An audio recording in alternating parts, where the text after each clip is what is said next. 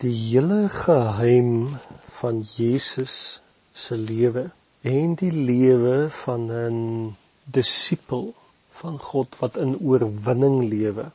Dit alles is opgesluit in die ewige verbond.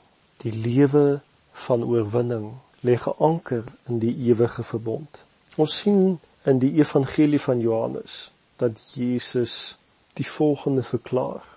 Johannes 5 vers 19 sê Jesus voorwaar voorwaar ek sê vir julle die seun kan niks uit homself doen tensy hy die Vader dit sien doen nie want alles wat hy doen dit doen die seun ook net so.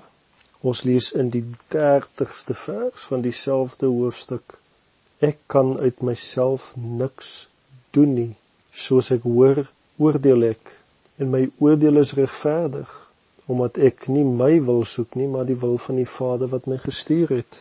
Jesus sê hy kan slegs praat wat hy by die Vader gehoor het.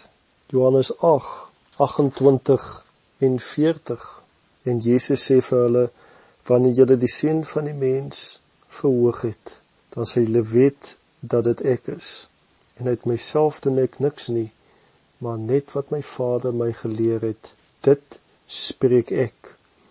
Die 40ste vers, maar nou probeer julle om my om die lewe te bring, iemand wat aan julle die waarheid vertel het, wat ek van God gehoor het. Hoekom lees ek dit? Jesus het nie die lewe van oorwinning geleef uit sy eie vermoë nie. Jesus het geweet dat 'n suksesvolle geestelike lewe alleen geleef kan word in absolute afhanklikheid van die Vader. Dat jou lewe vloei vanuit die hart van die Vader. As Jesus al was hy 'n perfekte skepping, as hy onafhanklik van die Vader sou wou leef, wat die bron van alles is, sou hy misluk het. Johannes 6 vers 57 sê tog dat die Vader sy lewe deur Jesus gelewe het soos die lewende Vader my gestuur het en ek deur die Vader lewe so sal hy wat my eet ook deur my lewe. Die Vader is dus die enigste bron van lewe en sukses op hierdie aarde. Die Vader bemagtig bekwam Jesus om steeds alles te doen wat hy van Jesus verwag. Onthou Jesus is gebore as beide God en mens, maar soos wat Jesus homself geïdentifiseer het met die Vader, het die Vader meer en meer sigbaar geword in hom.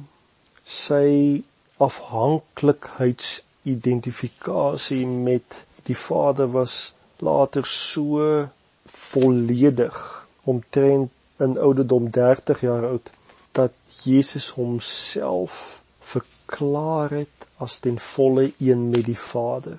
Dat Jesus gesê het as jy hom gesien het dan het jy ook die Vader gesien. Ons lees dit in 'n hele paar plekke in Johannes Ek sê dus dat die Vader is die bron van alle lewe en hy lewe hierdie lewe deur sy seun Jesus Christus wie basies die eerste Christen was. En Jesus het die normale Christelike lewe geleef. Die geheim dus is vir ons as volgelinge van Jesus dat ons net soos Jesus die bron van lewe moet toelaat, naamlik die Vader, om die oorwinningslewe deur ons te lewe, gelei deur die Heilige Gees. Ons is volgelinge van Jesus, kinders van die Vader. Ons het die lewe van Christus in ons gees ontvang. Daarom leef ons nou die oorwinnende Christelike lewe op dieselfde manier soos wat Jesus dit geleef het. Deurdat ons met geloof ons identifiseer met die waarheid, met Vader. Maar hoe lewe ons van hierdie bron op dieselfde manier soos Jesus?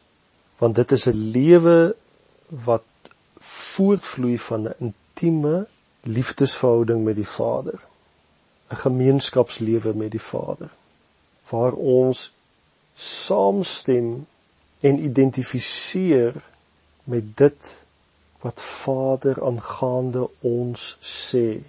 En daarom is dit nodig om baie duidelikheid te hê oor wat Vader God oor my en jou sê.